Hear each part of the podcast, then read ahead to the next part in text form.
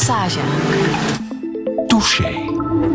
Touché vandaag met cabaretier Joep van het Hek. Goedemorgen. Goedemorgen. Voorbije twee dagen in Brugge gezeten voor de voorstelling met kennis van nu. Hoe ging het? Ja, volgens mij, ja, het is een, een schouwburg waar ik zo graag speel. Ja? Ik vind hem zo mooi. Ja? En eh, ja, het is bijna jammer dat ze het zaallicht uitdoen als je speelt. het is zo- zo'n prachtige schouwburg. Maar je hebt die voorstelling al in Nederland gespeeld. Moet er dan een en ander aangepast worden? Ja, de, een paar dingen. De Vlaamse wat- versie? Ja, er zijn wat, wat dingen die echt zo ontzettend Nederlands zijn. Die over ons koningshuis gaan. Dan inderdaad over het neefje van de koning. En dan weet in Nederland iedereen waar, waar ik het over heb. En eh, eh, ja, dat heb ik hier, een aantal dingen heb ik weggelaten. Maar dat is ook wel goed. Ja. En straks ga je nog naar eh, Antwerpen en eh, in Gent speel je ook nog, hè? En december Leuven. en januari. Ja, in Leuven, Leuven. Gent en Antwerpen. Ja, Ja, dus mensen die het willen zien, die zijn heel erg welkom, denk Zijn ik. zeer welkom, ja. Ehm, je zit ondertussen al 45 jaar in het vak. Is het nog altijd even spannend? Even spannend weet ik niet, maar het is wel even leuk. Ja? Het is wel, ja, ja, ik doe dat wel met, met onbeduidelijk veel plezier en, eh, en vrolijkheid. Reis ik door, door ja, de- het is een manier van leven, hè? Ja, die tournees en die hotels en eh, ja, restaurant eten zo, en met de jongens onderweg. Dat is een beetje mijn manier van, van bestaan. En je weet in Brugge ondertussen waar naartoe. Ik weet waar ik, waar ik moet zijn. Ja, ja, maar Waar je lekker ook. kan slapen en ja, goed kan goed eten. kan slapen, goed kan eten. Maar dat weet ik ook al in Leuven en dat weet ik ook al in Groningen. En in, maar dat hoort een beetje bij eh, de aard van dit beestje. Ik, eh, we, we zijn op de wereld om hard te werken, maar er moet ook, eh, het geld moet ook opgemaakt worden. Ja. Hoe zou jij jezelf omschrijven, Joep? Ja, levensgenieter. Eh, ehm, iemand die toch wel ook op een avondtheater het publiek naar de zin maakt. Er moet gelachen worden. En het is maar cabaret. Het is maar grappig. Het is niet meer dan. Ik ben niet de man die het weet. Ik ben eigenlijk de man die het ook niet weet. En eh, daar grap over maakt. Ja. Ja. En je schrijft ook over jezelf, de man die nooit heeft gewerkt. Je Ja. ziet het niet als werken. Nee, ik speel. Ik ga, eh, dat zei ik vroeger tegen de kinderen. Eh, toen we nog met z'n allen waren. En eh zeg ik, ja, nee, ik moet niet werken. Ik ga spelen. Ik ga spelen in Carré. Ik ga spelen in... Ik speel, ja. Ja, dat is het ook. Hè. Een man ook, en dan moet ik even onder de tafel controleren, die altijd twee verschillende sokken aan heeft. Ik kan het laten zien. Ja, ik kan het laten zien. Ja. Gele basket, ja, ja, blauwe sok en een rode sok met oranje dat is het allermakkelijkste wat er is. Dat je hoeft nooit te zoeken in de kast. Eh, ze liggen ook niet in bolletjes bij ons. Mijn vrouw die pleurt ze allemaal zo in de kast, of ik. En ik pak twee sokken en ik doe ze aan. Maar En dat- altijd twee verschillende. Altijd twee verschillende. En dat is eh, solidariteit met mijn kleinzoon Sam. Die ooit een keer, toen zijn moeder, dus mijn dochter, zei... eh, zeg eens dat die twee dezelfde sok aan moeten. Zeg ik, nee. Want dat vond ik echt zo'n onzin. En eh, toen zei ik, Sam, wacht even, ik ga even naar boven. En toen deed ik ook twee verschillende sokken aan. En nu draagt volgens mij zijn hele klas verschillende sokken. Zijn vader draagt verschillende sokken. Zijn andere opa. Het is echt nu, de club wordt steeds groter van de verschillende sokken. Het enige nadeel is daarna dat in Nederland de Alzheimer Stichting het als symbool heeft overgenomen. Dus dat mensen met twee verschillende sokken aan Alzheimer lijden. Dus nu moet ik in de trein altijd eh, uitleggen dat ik eh, het allemaal nog wel weet. Dat het eh, allemaal nog goed gaat. Joep van het Hek, welkom in Touché. Radio 1. Friedel Massage. Touché.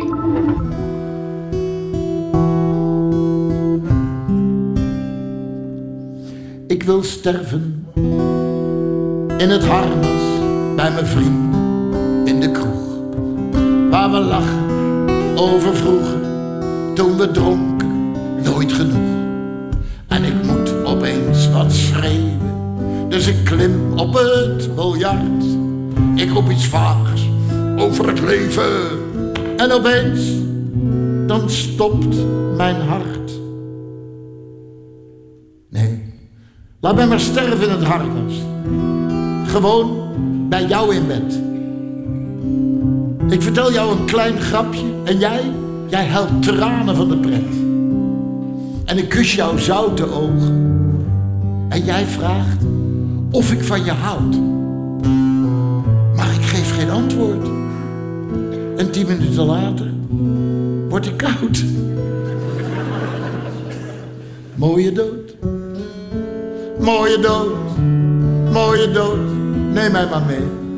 In een uitverkocht theater. In een zinderend carré. Of terwijl ik zit te eten. Dat moet met mijn familie zijn. Bij het heffen van de glaas. Volle glaas. Dure wijn. Nee. Ik wil sterven in het harnas. Gewoon als de komiek. Op een bonte woensdagavond in de Flint voor mijn publiek. Ik vertel een heel klein grapje over een non die met de paus. En ik val als Tommy Cooper. En u geeft mij een applaus. Mooie dood. Mooie dood, mooie dood, neem mij ooit mee. In een uitverkocht theater, in een zinderend carré. In een schuddebuikend luxe of een zaal, iets minder groot. Op een dag, dan wil ik sterven als de gek, de idioot. Maar voorlopig wil ik leven, zonder tegenwind en kou. Ik wil nemen om te geven, ik geef het allemaal aan jou. Maar op een dag zal ik vertrekken, dan pak ik voorgoed de boot. Ik wil sterven in het harnas. Op een dag lach ik mij dood. Joep van het Hek, zoals je ook klinkt tijdens die nieuwe voorstelling met de kennis van nu. Op een dag lag ik mij dood, maar zover is het nog niet. Maar je kijkt wel terug hè, met de kennis van nu. Kijk je naar wat je toen wist als jonge cabaretier. Ehm, was jij graag eh, twintig geweest met de kennis van nu? Nou, ehm, nee, niet. Want dan zou ik een heleboel kwijt zijn. Dan zou ik mijn kinderen kwijt zijn. En dus ik zou niet terug willen. Maar qua leeftijd af en toe. Dat, dat ik denk. Maar ik ben niet iemand die denkt, ik zou het helemaal anders doen nu. Als ik, als ik nu weer twintig zou zijn, zou ik het anders doen. Ik, want ja, eigenlijk vind ik, als ik gewoon terugkijk, je begint heel onzeker. Je wil en je denkt en ik ga en ik hoop. En, eh, en daarna ga je gewoon eh, ja, 45 jaar leven. Ik ben nu 65. En in die 45 jaar is heel veel misgegaan en heel veel goed gegaan. En als ik dat een beetje tegen elkaar afweeg, ja, dan ben ik nu waar ik nu zit. En het is ook goed om niet alles te weten als je twintig bent. En je moet niet alles weten. En het is ook zo dat ik tussen nu en, eh, en, en dat ik doodga, eh, weet ik ook niet. En ik, een, een van mijn liedjes is Niemand weet hoe laat het is. Je weet niet of, ik- of ik straks eh, onder een tram loop of onder een taxi of weet ik veel wat hier gebeurt. Maar stel dat, ja, je, je, hebt, je hebt niks te zeggen. Ja, en blunderen hoort bij het leven. Absoluut. Ja, blunderen dat, dat je leeft en in je leven maak je fouten en doe je domme dingen. En je wordt deels eh, word je, ja, opgejaagd door eh, kennissen, door vrienden, door jezelf, door eh, de media, door hypes, door de liefde, door weet ik veel. De allerlei dingen brengen je tot en dan. eh, ja, en dat maakt het wel interessant. Je vertelt in de voorstelling verhalen aan de hand van eh, mensen die je zogenaamd kent. Eh, jouw vrienden Joppe en Karel. Over Wouter, de zoon van Karel, die een mentale handicap heeft. Over Ada, een, een lerares waar je als jonge kerel het bed mee bent ingedoken. Hoeveel van al die verhalen zijn, zijn waar? Een, een deel is wel, eh, het, het is altijd wel een beetje gebaseerd op waarheid. Zoals eh, Wouter, eh, de, de verstandelijk gehandicapte zoon, die bestaat in mijn familie. Ehm, en, en die gaat ook wel eens mee naar de voorstelling. En die, dat, dat is een ontzettend lieve jongen. En alleen, ik, ik heb hem ik heb hem iets anders, ik heb het iets romantischer en anders neergezet. En een aantal verhalen die zijn gewoon eh, echt gebeurd. Het, het taxiverhaal naar Rotterdam is gewoon echt gebeurd. En, en ik vertelde dat aan eh, in Carré na de voorstelling. zat ik te praten met eh, collega André van Duin.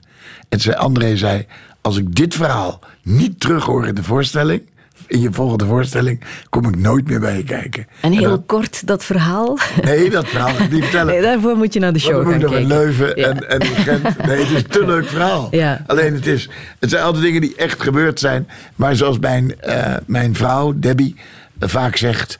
eh, ik hoor je wel eens vaak verhalen vertellen waar ik ook bij was. Dan denk ik, nou, ja, je hebt wel een behoorlijke...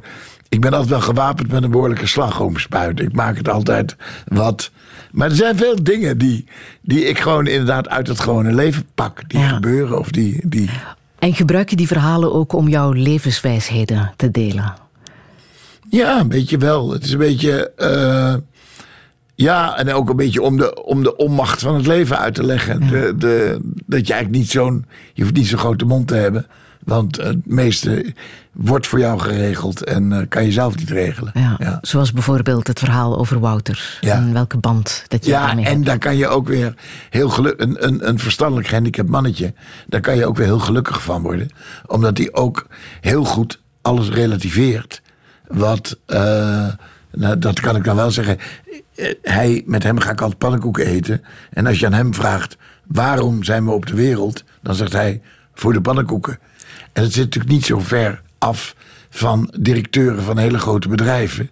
eh, die eigenlijk ook voor de pannenkoeken leven. Dat is ook eigenlijk wat ik bedoel. Ja. En, Ja. ja. Jouw rode draad in al jouw voorstellingen is eh, dat ene levensmotto van jou, hè? leef.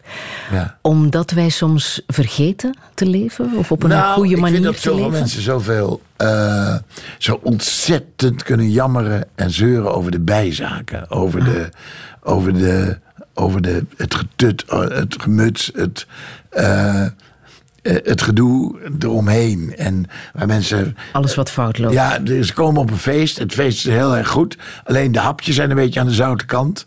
En dan gaat het voor de rest over de hapjes aan de zoute kant. Terwijl het was verder een leuk feest. Of het was een leuk. doe nou eens, ga nou eens. Kijk nou eens wat je wel hebt. Kijk nou eens wat, we allemaal, wat er allemaal is. En. En ja, er, er wordt zo. Je hebt bij ons in Nederland heb je. Misschien heb je dat hier in België ook wel. eh, programma's als De Rijdende Rechter. En dan zie je buren met een ruzie over een overhangende tak, over een schutting. En dan wordt dat twee keer drie kwartier aan gewijd. En ze komen nog samen. En er wordt een echte rechtszaak nagespeeld. En daarna vliegen die mensen elkaar alsnog bijna aan. En dat ik denk, ja, het is ook wel amusement trouwens. Ik moet er vaak wel om lachen. Maar ik denk, ja, wat, wat, wat, hoe kan je nou ergens wonen en bijna drie jaar bezig zijn met die overhangende tak? Dat, maar er zijn zoveel mensen in hun hele leven en in hun huwelijk en in hun liefde bezig met de overhangende tak. En En merk je, want dit zeg je nu al 45 jaar in theaters, dat er iets is veranderd? Dat je de mensen hebt veranderd? Nou, misschien heb ik een heel klein beetje, geval bij mijn publiek, die bij mij komen. Die hebben denk ik wel een heel. Ja, ik, iemand zei ooit: als je 45 jaar geleden de tanker 1 centimeter uit de route hebt kunnen leggen, dan. eh, het laatst had was in een ander interview. Toen zei ik: Ja, maar ik denk niet dat ik iets bereikt heb. En zei iemand: Volgens mij heb jij wel wat bereikt. Je hebt in elk geval bij veel mensen bereikt dat ze minder moeten zeiken. Dat ze anders naar hun werk moeten kijken. Dat het maar werk is. Dat ze anders naar hun liefde moeten kijken. Dat eh, die ook zijn best doet. Eh, dat, nou ja, gewoon. eh, nou, misschien heb ik een heel klein beetje bij een paar mensen. Maar er zijn ook heel veel mensen die denken: kerel krijgt de tyfus en hou je bek. Ja. Denk je dat? Dat er veel mensen ook helemaal niet van Joep van het Hek houden? Ja, die zijn er zeker. Ja, die zijn er zeker. Maar die, eh, die, dat is ook goed. Ik vind het allebei best. Allebei goed. Ja. Ja. Nu, je hebt naar je eigen beroep gekeken in een prachtig boek trouwens. En dat boek heet Joep als beroep. Ehm, hoe is dat, dat beroep? Dat beroep is leuk. Dat beroep is, ehm, is leuk en vrolijk. En dat komt ook omdat ik ehm, eigenlijk eh, als jongen eh, baantjes had op kantoren. En dat ik op die kantoren al dacht, dat moet ik niet doen. Dat, dit moet ik niet gaan doen. Dat iemand zei, hé, hey, doe jij even dat. Ik denk, doe even dat, doe het zelf, weet je wel. Ik, ik zat anders in elkaar. Dus ik dacht al, eh, dat moet ik niet doen. En, en, en ik moet een ander vak kiezen. Ik moet een vak kiezen waarin ik zelfstandig ben. Nou, ik heb de mazzel dat dat gelukt is. Maar ik weet ook dat ik inmiddels een kantoor heb... waar ik nooit zeg, eh, doe even dat. Iedereen is heel erg Eh, zelf ook mijn hele bedrijfje, alle mensen. Het circus met wie ik rondreis. Eh, ja, is gewoon heel, heel vrolijk. En is wel naar mijn model. En nou, trouwens ook van de anderen. En iedereen werkt er ook al heel lang. Het is een, eh, En is het moeilijk om Joep van het Hek te zijn? Want vooral in Nederland natuurlijk kan jij niet de straat op eh, of mensen roepen je na, denk ik. Ja, wel, maar ook. Eh, ik, zeg altijd: een, een selfie is sneller gemaakt dan een selfie geweigerd. Als je selfie weigert, sta je tien minuten met zo iemand te, te, te, te soebatten. Dan, eh, terwijl ze, als je zegt: maak een selfie of een handtekening, ja hoor, het gaat allemaal zo snel. En eh, de meeste mensen die mij herkennen, die zijn aardig. En ik, ik maak bij veel mensen een, een lach los. Ja. En ik ben niet de doodgraver. Dus, ja, het kan erger Ja. als beroep. Ja. Hoe is Joep buiten het beroep? Ehm, ja, ik denk eh, ook wel ingewikkeld. En ook wel gewoon ook aan tobben met dingen die, die, die het leven met zich meebrengen. En ehm, dingen die tegenzitten en meezitten. En ik zit ook al lange ritten in de auto en lange ritten in de trein. En ik heb lange nachten in doodstille hotelkamers. Waarin ik goed kan nadenken over het, eh, over het leven. En de paar uur voordat ik het podium op ga, moet ik vaak best ja, goed over dingen nadenken. Maar dat inspireert me weer om er vrolijke en leuke liedjes en grapjes over te maken. Ja, want je kan iedereen wel oproepen om te leven en te genieten van dat leven. Maar ja, je kan het ook niet tegenhouden, hè, dat dingen ook wel eens fout lopen. Nee, en maar dat dingen lopen fout. moet maar zaniken en zeuren. Maar daartussendoor eh, merk ik wel dat als je gewoon een, een eh, leuk leven leidt, gewoon leuk, vrolijk, ni- niet, niet moeilijk doet. En als ik terugkijk op mijn leven, heb ik met heel veel vrienden eh, grote, echt grote, brede vakanties gevierd. In grote huizen, in Frankrijk, in, in de sneeuw, eh, ik, in Italië. Eh, ik heb grote diners, grote feesten. veel mijn kinderen, als ik met mijn kinderen ben. En we kijken terug. En we gaan nu komende zomer ook weer met z'n allen ergens in een groot huis zitten. Niet op mijn initiatief, maar van een van de dochters die dat organiseert. En eh, ja, in het leven zelf wordt wel geleefd bij ons thuis. Het is een manier van omgaan met het leven, het juist Ja, van het omgaan met het positieve leven zien. en omgaan met elkaar. En omgaan met, met... En daarin maak je natuurlijk ook weer duizend fouten. Maar eh, de intentie is om een beetje te kijken of iedereen het ja, een beetje naar zijn zin heeft. Ja.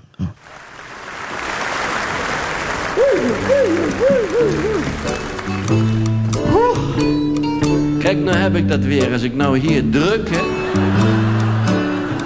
Ik hier van die steken, hè. oh. Ja, laat dat eens even horen, jongens, dat liedje. Dat vind ik zo'n... Ja, dat bedoel ik, ja. Dat is zo'n lekker liedje, mensen. En dat past precies in deze tijd. Ziet u in deze tijd nog eens mensen rustig eh, kuieren? Dat zie je toch niet meer. De mensen kennen het woord amper. Kuieren, dat bestaat niet meer. Daarom heb ik dit liedje gemaakt. Kuieren. Kuieren. Wat een zalig woordje, kuieren. Kuieren. Met de handjes op de rug.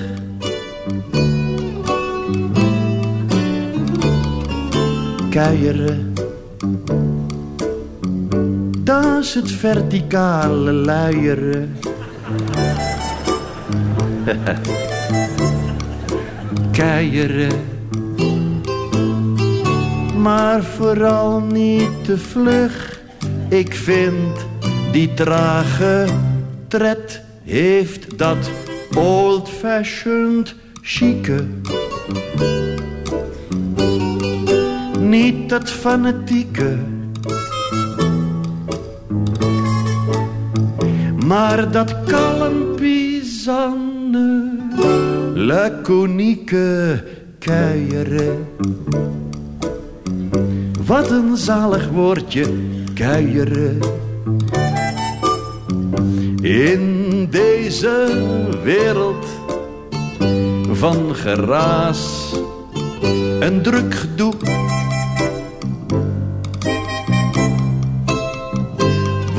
dat driftige, giftige, ik mot zo nodig. Blijkt au toch overbodig kuieren. Zet toe, leira, leira, leira, da, Leira, da la la la ja da la la la ja. Ja la la la la la da da la la la la Gisteren is half tien geworden. Ik heb hard Je ziet het toch nooit meer? Je ziet toch geen mens meer kuieren? Trimmen. Je te barsten lopen. Kuieren. Wat een zalig woordje, kuieren. In deze wereld van geraas en druk gedoe. Want dat driftige, giftige, ik mot zo nodig. En dat blijkt fond, en toch overbodig. Kuieren. C'est tout. Leida, leida, leida. Leida, leida, leida. Toon Hermans en dat legendarische kuieren. We hebben het over 1974, Joep van het Hek. En toen was kuieren al uit de mode. Doe jij het nog wel eens, kuieren? Ja, volgens mij eh, eh, wil ik nog wel eens eh, een rondje, beetje zo. Ja, ik kan wel in elk geval, ik zal niet echt fysiek heel erg kuieren, maar ik kan, ik kan er wel hele middagen een beetje in mijn hotelletje hangen of in mijn kleedkamer hangen met een boekie.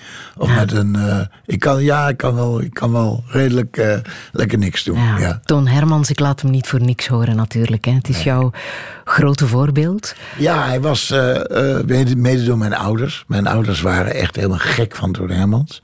Het was heel moeilijk om kaartjes te krijgen, toen de tijd. En uh, toen hadden ze kaarten voor hem. En ik denk, want we, we hebben dus acht kinderen. Ik was nummer zeven van de acht.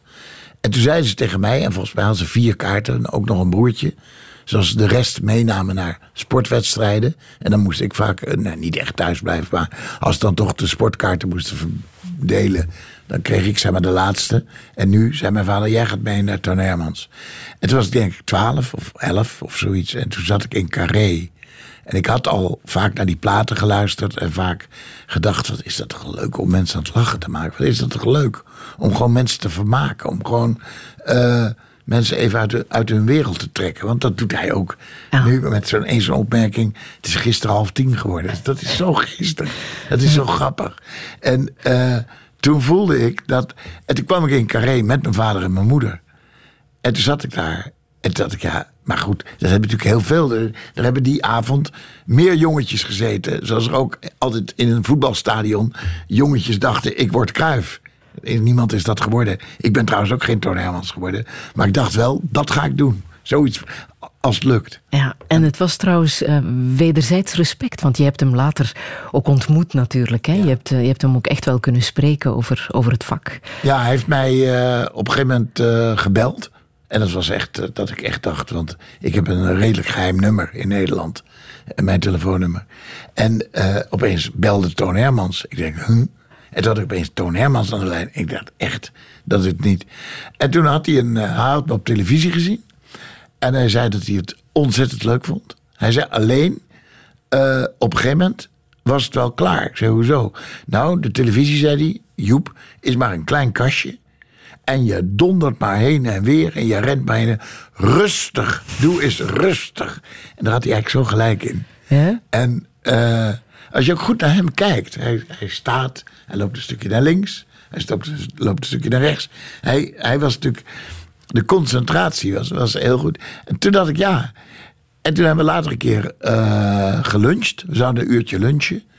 En dat werd vijf uur. We hebben echt vijf uur, zes uur zitten praten met z'n tweeën. Hij was toen al ouder. Hij, je zag aan hem dat hij niet meer op ging treden. En ehm, we hebben het heel lang over allerlei dingen gehad. Vooral over technische dingen in het, binnen het optreden. Waar je op moet letten. Waar, waar- wat belangrijk is enzovoort. En eh, het was, dat gesprek was vlak voordat ik mijn tweede grote serie in Carré ging spelen. En de avond dat ik in Carré ging optreden, lag er nog een ouderwets telegram. Dat hangt nu nog steeds op mijn werkkamer. En daar stond: Vanavond ben ik jaloers op Joep van Dijk. Toon. En in dat ene regeltje wenst hij mij eigenlijk heel veel succes. Of eh, gunt hij mij alles. Vanavond ben ik jaloers op Joep van Dijk. Maar het zegt ook heel veel over zijn eigen weemoed. En ik vind dat dus heel knap. Als iemand in één regel op zijn 75ste zijn eigen leven samenvat en jou het beste gunt.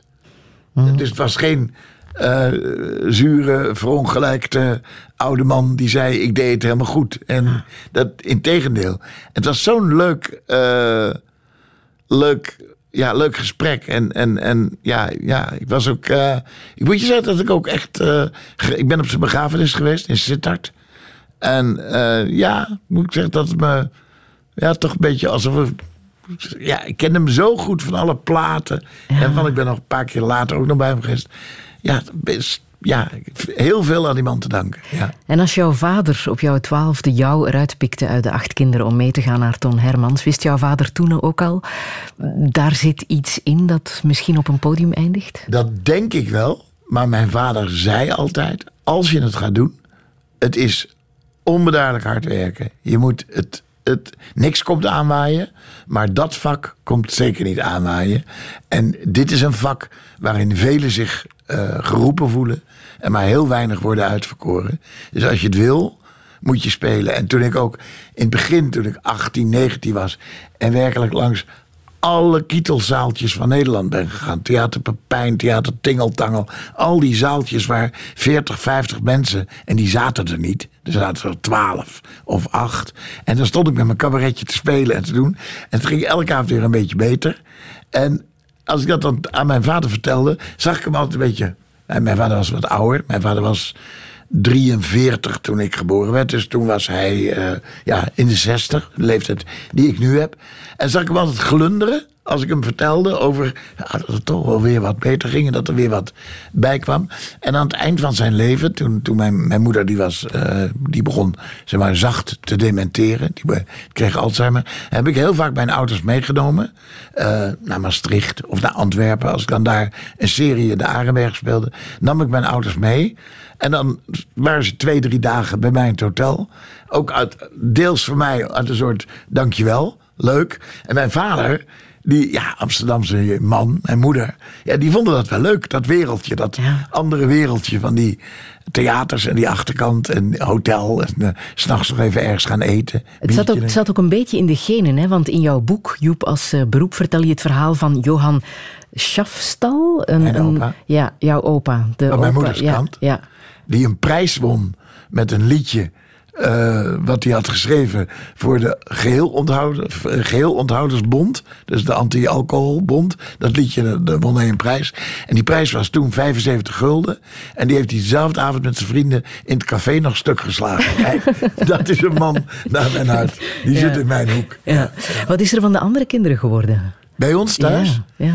Ja, mijn, mijn eh, oudste zus die eh, heeft een groot gezin, zes kinderen. En, eh, mam, ik heb een broer die heeft altijd bij CNA gewerkt. Die is, iedereen is al met pensioen in mijn familie.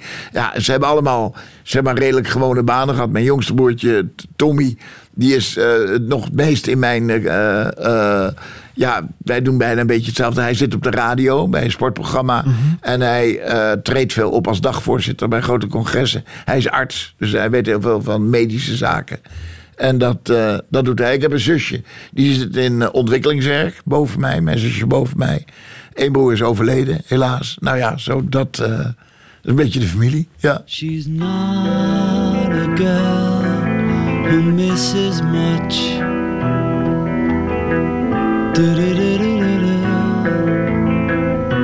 Oh yeah. She's well acquainted with the touch of the velvet hand like a lizard on a window pane. The man in the crowd with the multicolored mirrors on his hobnail boots. Lying with his eyes while his hands are busy working overtime. A soap impression of his wife, which he ate and donated to the National Trust.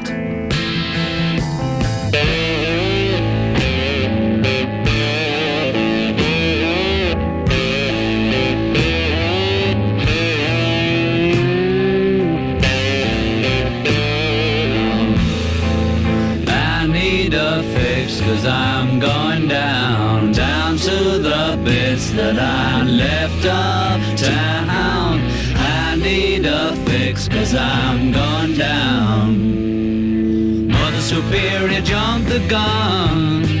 Mother Superior jumped the gun. Mother Superior jumped the gun. Mother Superior jumped the gun. Mother Superior jumped the gun. Mother Superior jumped the gun.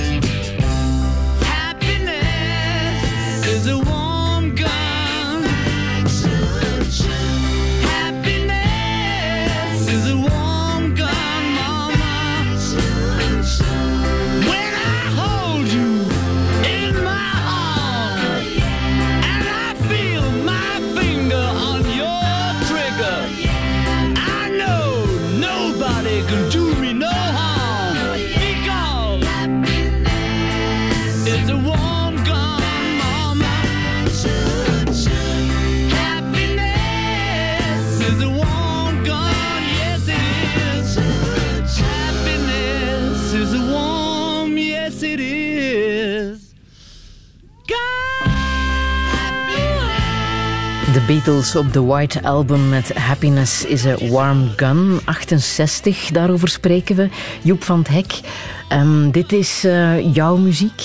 Nou ja, het is de muziek uit mijn jeugd. Toen was ik 14, Ja. 68. Eh, bij Abbey Road was ik 15. En dat is wel de leeftijd waarin je naar de platenwinkel rende. En eh, die muziek schalde bij ons door het huis. Ja. En mijn vader zette hem steeds zachter. Ik had echt zo'n vader. En wij zetten hem steeds harder. Wij, was mijn vader best veel aan het werk. Dus wij, wij ja. En dat is wel een beetje de. de en nu is steeds al die Beatle-platen weer worden opge... Het is natuurlijk ook een commercieel grapje, weet ik ook wel. Maar steeds weer worden opgekrikt en, en opnieuw worden uitgebracht. Ik ben wel... Ik ben wel, ja, ik ben wel van de Beatles. Ja. Ik, ik mag het heel graag draaien. En toen mijn kinderen klein waren... Die zijn nu ook eh, zelf al ouders. Maar toen, die, toen mijn kinderen klein waren... Mijn kinderen kenden alle Beatle-nummers. Want op lange vakanties... eh, draaiden wij heel veel Beatles. De White Album, eh Sgt. Pepper, daar goed, al die. En eh, eh, niet te vergeten Rubber Soul. Ja. Vol- volgens mij nog steeds een van de beste. En eh, ik heb ook een neef, mijn neef Benjamin, met wie ik altijd over de Beatles praat. En wij kunnen ook gaan zitten en samen lang over de Beatles eh, spreken. En hij weet er echt heel veel van. Happiness is a warm gun. Laten we het dus over happiness hebben. Geluk. Wat is dat volgens jou? Ja, geluk is eh, eh, eh, iets wat we allemaal niet weten. En geluk is vaak wat je na afloop pas realiseert. Is vaak als je terugkijkt op je jeugd. En als ik terugkijk naar de vakanties die wij hadden in Egmond aan Zee. kan ik alleen maar terugkijken naar. Ik kan me eigenlijk bijna geen lelijk weer herinneren. Terwijl mijn moeder wel eens verteld heeft. Het heeft wel eens een hele maand geregend. Dat we in Egmond waren. En, maar ik kan me dat niet herinneren. Ik kan me alleen maar het strand herinneren en de warmte. Het geluk, de, de gelukskant. En geluk is eh, iets wat je ook niet kan organiseren bijna. Je kan het niet. Je kan het wel proberen te regelen. Je kan wel op, eh, eh, een goede plek zoeken voor je vakantie. Of een goede plek zoeken voor. Maar geluk, ja, het vaak achteraf realiseert pas. Ja, je ziet er nu heel gelukkig uit. Ja. Ik hoop dat ik gelijk heb. Nee, je bent vrij Ja, dichtbij. ja. Maar je bent ooit wel echt letterlijk moeten op zoek gaan naar eh, geluk, heb ik uit jouw eh, boek. En dat ging met een blauw Volkswagen-busje langs de kust van België, Frankrijk. Ben je letterlijk op zoek moeten gaan. Ja, het was, toen was ik jaar 27. En ehm, ik had mijn cabaretje. En dat ging wel, dat liep niet echt storm. Niemand zat erbij te wachten, laat ik het zo zeggen. Dus ik ging wel steeds overal affiches op en ik ging optreden. En er kwamen er ook wel weer wat mensen. Ehm, maar en dan kwam je in het café en je had vrienden. En vrienden die hadden inmiddels allemaal al banen. En die hadden ook allemaal al vrouwen. En die hadden ook allemaal al huizen. En, eh, en die gingen dan tegen mij aanpraten. Van ja, weet je wat jij zou moeten doen, weet je. En eh, die probeerden mij dan... Maar ja, ik, ik wist het allemaal niet. Ik, wist, ik dacht, ik moet gewoon met het cabaret. Dat moet ik gaan doen. En op een gegeven moment was ik zo klaar met iedereen, met al die adviseurs, ook hoe goed ze het ook bedoelden. En toen heb ik een, eigenlijk vrij impulsief binnen twee dagen een busje eh, gekocht voor heel weinig geld. Ik ben in het busje gestapt en ik ben gaan reizen. En ik ben gewoon langs de kust gaan rijden. En dat is inderdaad, eh, eh, nou ja, langs de Belgische kust. En toen zo richting eh, Normandië, Bretagne. En van daaruit langs de Vendée naar beneden. Tot San Sebastian. Dwars door de, door, de, door de Pyreneeën. En toen langs de zuidkust, die ik trouwens het, meest, het minst interessant vond. En was het helend, die tocht? Ja, het was ontzettend helend. Want ik had dus geen telefoon bij me. Die hadden we niet. Eh, Die had niemand. Ik had een typemachine bij me. Dat busje was mijn bed. Dat busje had ik een, een gasbrandertje bij me om wat te koken. Wat er bijna niet zoveel van kwam. Maar met een stokbroodje camembert kom je ook heel ver. Zeker als je alleen bent. Ehm, en niemand zegt dat je om je vitamine moet denken. Daar had ik al- gewoon altijd gelul. Ik heb wel mezelf wel oesters leren eten toen en openmaken en zo. Ja, ja. En wat ik alleen weet is dat ik ontzettend veel tijd had om op het strand. eh, mijn busje stond aan het strand. eh, Te kijken, na te denken, eh, verkeerde gedachten te hebben. Die gedachten in mijn eigen hoofd eh, te veranderen. Ik dacht, nee, zo moet ik het niet gaan doen. Ja, dat moet ik wel gaan doen. Nee, dat moet ik niet gaan doen. Zo langzamerhand. En toen kwam ik terug in Nederland. En toen wist ik een paar dingen. En eh, ehm, dat was A, dat ik absoluut door wilde met mijn cabaretje. Ik had ook heel veel geschreven. Ik had veel gemaakt. Ik had allerlei plannen. Eh, ik, eh, ik wilde mijn cabaretje een beetje anders doen. Ik wilde meer eruit springen. Ik wilde, eh, ook op dat gebied wilde ik minder naar mensen luisteren... die traditioneel met drie barkrukken... en dan een liedje en een sketchje en een liedje... En ja, ik, ik, ik dacht, als ik echt door wil in het leven, moet ik het op mijn eigen manier doen. En daar was dat. Eh, en mijn familie, mijn kinderen, die pesten mij nu ook nog heel vaak bij mijn Ja. busje. Als ik weer iets te lang doordraaf en iets zeggen ze, ga lekker in je busje zitten. Weet je, maar Bestaat het nog, het busje? Nee, het busje bleek later, dat is ook nog wel grappig. Want ik had het eigenlijk veel te veel bleek voor betaald, omdat ik geen verstand had van het busje. En toen ik het aan iemand trachtte te verkopen, toen zei hij. Je mag gewoon blij zijn dat je nog leeft. Ik, had, ik heb vier maanden met het allergevaarlijkste busje rondgereden. Ik kreeg er helemaal niks meer voor. Maar dat maakt niet uit. Ja. Ehm, begin jaren tachtig is het denk ik echt helemaal goed gekomen met jouw eh, 84 carrière. Ja. ja, ja. Toen, je, toen je voor het eerst op tv kwam hè, met Ja. een eh, sketch eh, lenen, lenen, betalen, betalen. Ja. Zeg ik er even bij, want als wij het horen als Vlamingen, dan gaat het heel erg snel. Lin lin tap ta lin lin tap ta lin lin tap ta lin lin tap ta lin lin tap ta lin lin tap ta. Kom maar.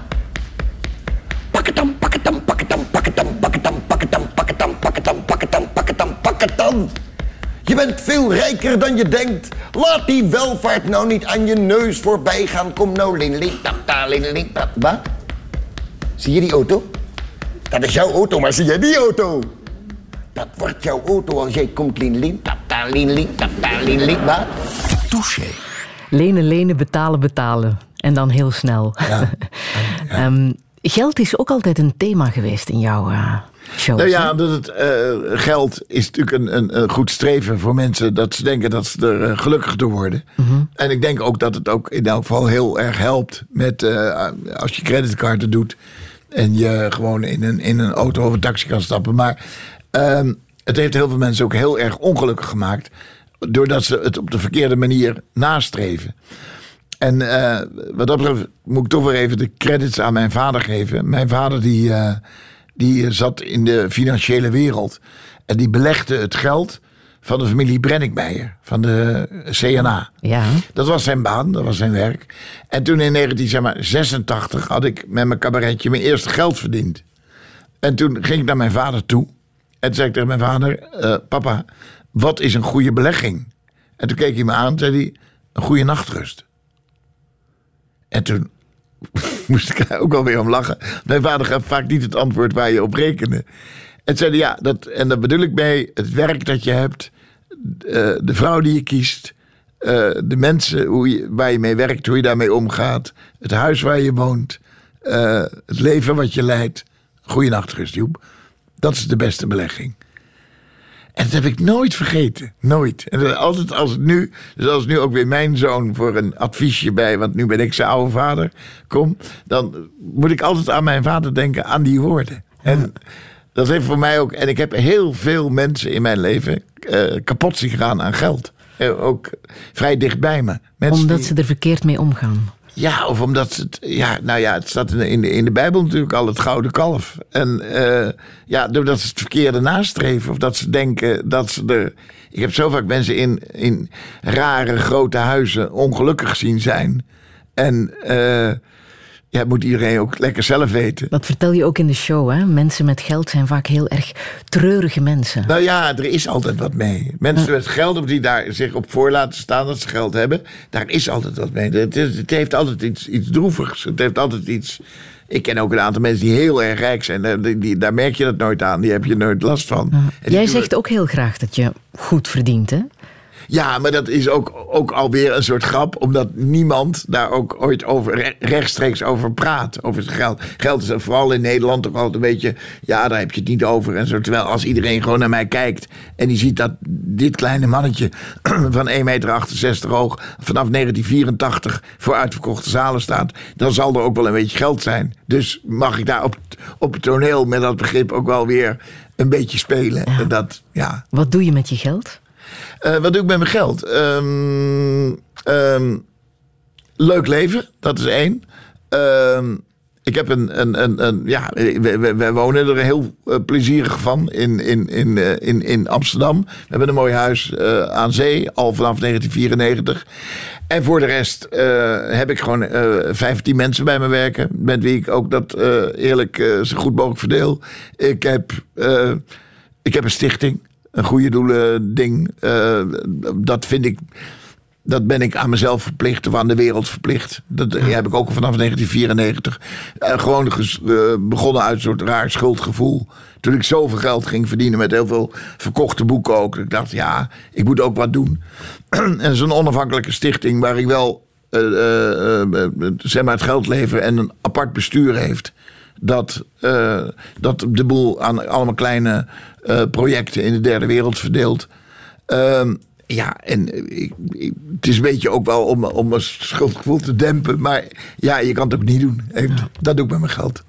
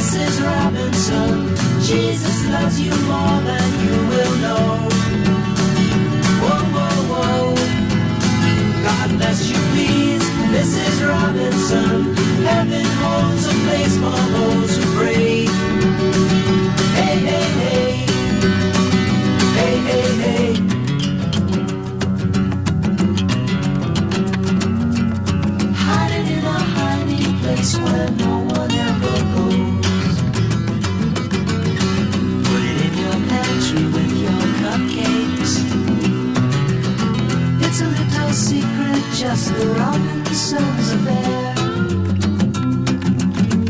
Most of all, you got to hide it from the kids. Robinson. Jesus loves you more than you will know. God bless you, please, Mrs. Robinson. Heaven holds a place for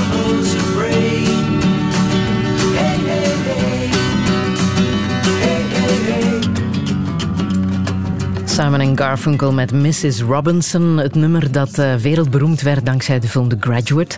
Eh, Joep van het Hek, jouw favoriete film? The Ja. Graduate. Nou ja, ook weer uit mijn jeugd natuurlijk. Eh, Ja. ja, en vooral, en maar volgens mij hebben alle jongens dat, de scène dat hij met die duikbril op uit dat zwembad komt. En dat die, die ouders en die vrienden van die ouders, dat die staan te wenken. Dat, is, dat vind ik echt zo'n fascinerend mooie scène, omdat het zo goed aangeeft hoe A, zo'n jongen staat te denken.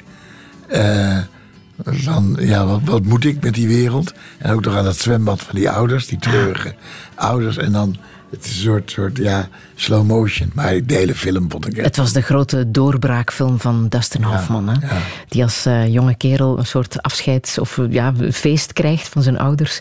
Ehm, en daar is eh, weinig vrolijks te beleven, behalve dan die ene Mevrouw Mrs. Robinson. Robinson. Ja, Ja. ja, geweldig. Klinkt een beetje als het verhaal van Ada in jouw voorstelling. Ja, ja. Die ja, juf. Ja, ja, nou ja, ik denk dat we allemaal wel, eh, of allemaal, niet iedereen, maar er zijn natuurlijk allemaal eh, in, in het schemergebied van seksualiteit en van alles, zijn natuurlijk allemaal rare plekken waar je het een beetje geleerd hebt. En ik heb dan dit verhaal, het was een beetje gebaseerd op eh MeToo, wat vorig jaar echt heel erg aan, aan Ja. het exploderen was. Toen dacht ik, nou, dan moet ik even mijn vorm van MeToo. Dus ik heb een oude lerares opgevoerd. Dit is trouwens niet geheel op waarheid. Ah ja, dat wou ik net vragen. Wat is daarvan aan? Al, heel... eh, Maar allicht zullen er mensen zijn die wel zoiets hebben meegemaakt. Als Ja, jonge kerel verleid vrienden- worden door een oudere vrouw. En, ja, ik heb wel vrienden die, die, die kunnen daar smakelijk over vertellen. Ja. Ah, Dat, ja. Of, eh, ja, en ook vrouwen door een oudere man. Ja, ja. Trouwens, Dustin Hoffman, eh, ook al beticht van eh, seksueel misbruik. En Woody Allen. Ja. Ik ben de enige die nog gewoon helemaal met schone handjes hier zit. Maar ik ben nog niet uit de studio. Hè? nee, nee. Ehm, maar Dustin Hoffman heb je ontmoet, hè? Ja, in, in Po, in de Pyreneeën. En toen, er zou een film gemaakt worden, Le Cycliste, over een oude wielrenner. En die zou hij eh, gaan spelen. En die film is trouwens helemaal nooit doorgegaan. En om een soort studie te doen, was hij een paar dagen mee met de eh, wereld van de Tour de France. En het was de aankomst van de Tour de France. En eh, ik was daar ook. Ik kende wat jongens van de radio. Dus ik was in dat rennersgebied. En ik stond daar. En opeens zei mijn toenmalige vriendin... je moet nu opzij kijken. En toen keek ik. En er stond Dustin Hoffman. En ik dacht dat ik verlamde. Want eh, je hebt een paar van die mensen in je leven... eh, die, en Dustin Hoffman was daar één van. Ik denk, die, die, die raak ik nooit aan. Die zal ik nooit bereiken. Maar hij stond gewoon hier. En toen vroeg ik aan hem, echt als een kind... meneer Hofman, kunnen we even een fotootje maken? Geen enkel probleem, zei hij. En toen gaf ik aan mijn vriendin mijn fototoestelletje. was echt zo'n plastic klote dingetje. En zij zou de foto nemen. En toen was het filmpje op. en toen- ja, dat was ik niet. Nu zou je even snel iemand anders telefoon pakken. Maar het filmpje was op. En daarbij kwam er een hele grote auto aanrijden. En toen zei hij, sorry. Hij zei ook nog heel keurig sorry. en hij verdween in die auto. Dus ik heb er geen enkel bewijs dat ik hem ontmoet heb. Maar geloof mij, in Po, in de Pyreneeën, heb ik dus nog ontmoet. Maar dus jij kan ook fan zijn van iemand. Zoals Ik kan van, heel erg fan zijn van iemand, ja. Niet alleen van Dustin Hoffman, maar ook van Johan Cruijff natuurlijk. Johan En van de hele oude Ajax-ploeg. Komen die nog altijd kijken naar jouw voorstellingen? Ja, en eh, als ik, eh, bij mij mogen nooit groepen naar binnen. Behalve, behalve, behalve Lucky Ajax. Ajax. Die komen altijd één keer per jaar als ik in Carré speel. Komen ze met ongeveer 100 man. En dan, eh, ze kopen trouwens eh, gewoon een kaartje. En ik doe na afloop, eh, schenk ik een biertje. En, eh, en dan gaan we even kletsen. En dat is... en er zijn altijd een paar vrienden van mij die dan ook komen. Want die vinden het leuk om al die oude voetballers... Sjaki Zwart, eh Ja, Klaas. En er zijn een aantal zijn er helaas niet meer. Maar dat is echt zo'n team uit onze jeugd. En, en, en ja, daar, daar gingen wij voor. Ja, op reis mee naar Parijs en mee naar, naar Wembley. En, en ja, ja. En van deze meesterpianist ben je ook grote fan. Eh, eh, Alfred Brendel. Ja, het is gebeurd in begin jaren tachtig dat ik hem, eh, dat ik hem hoorde spelen. De Diabelli Variazione. En dat vond ik zo waanzinnig. En toen kwam hij later, kwam hij alle eh, eh, Beethoven-sonaten in één seizoen spelen. Dat deed hij in een aantal concertzalen in de wereld, waaronder Amsterdam. En toen wilde ik daar zo graag bij zijn, maar ik had het geld niet. En toen ben ik naar mijn vader toe gegaan. En toen heb ik gevraagd of ik dat van hem mocht lenen. En dat mocht. Mijn vader was wel, als, je, als ik had gezegd ik wil het lenen voor een, iets anders niet. Maar voor zoiets kreeg ik het. En toen had ik het geleend. En ik, vond het zo, ik heb ze ook allemaal gezien. Al die, al die dingen. En ik vond dat zo prachtig. En eh, toen wilde ik het aan mijn vader terugbetalen. Of ik wilde aan mijn vader gaan zeggen dat ik het nog niet kon terugbetalen. Omdat ik het nog niet had. Toen zei hij, het is goed zo. En zei hij ook, ja, de anderen hebben allemaal gestudeerd en jij niet. Het is goed zo. Dat hoort bij je leven. En eh, ja, later heb ik Alfred Brendel eh, ja, tien jaar geleden voor het eerst ontmoet. En het was heel raar. En ja, toen hebben we geluncht. En s'avonds nog een keer gedineerd. En eh, ja, bijzondere man. Aardig, aardige man. En, en, en ja, een, een, een, een, een- en ik wilde alles weten over eh, zijn, hoe hij repeteert en hoe hij concentreert. En hoe hij zijn repertoire kiest. En hoe hij. eh, en ja, hij is er nu mee gestopt. Ja. Nou ja, bijzondere man. Maar hoe geweldig hij speelt. Hè?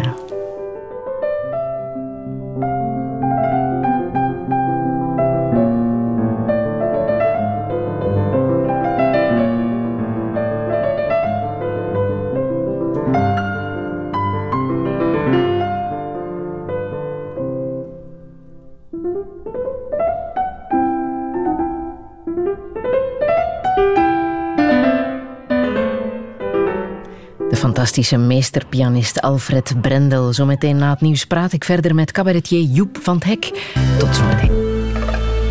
Radio 1. Friedel Lassage. Touché. Touché vandaag met cabaretier Joep van het Hek. Begin dit jaar werd hij 65. Tijd om met de kennis van nu terug te blikken op het leven. Want leven, dat is zijn grootste hobby. En hij vindt dat we dat met z'n allen wat meer mogen doen... in plaats van te zeuren en te zaniken over pietluttigheden. Want voor je het weet, houdt je hart op met kloppen. En dan is het onherroepelijk afgelopen. Joep wist al heel vroeg wat hij later wou worden, maar of het hem ook zou lukken, daar had hij een busreis van een paar maanden voor nodig.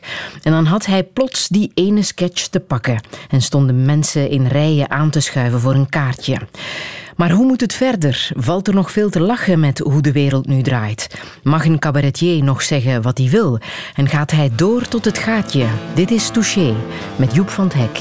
Een heel goedemiddag. Er hangen rampen in de lucht, er zijn miljoenen op de vlucht.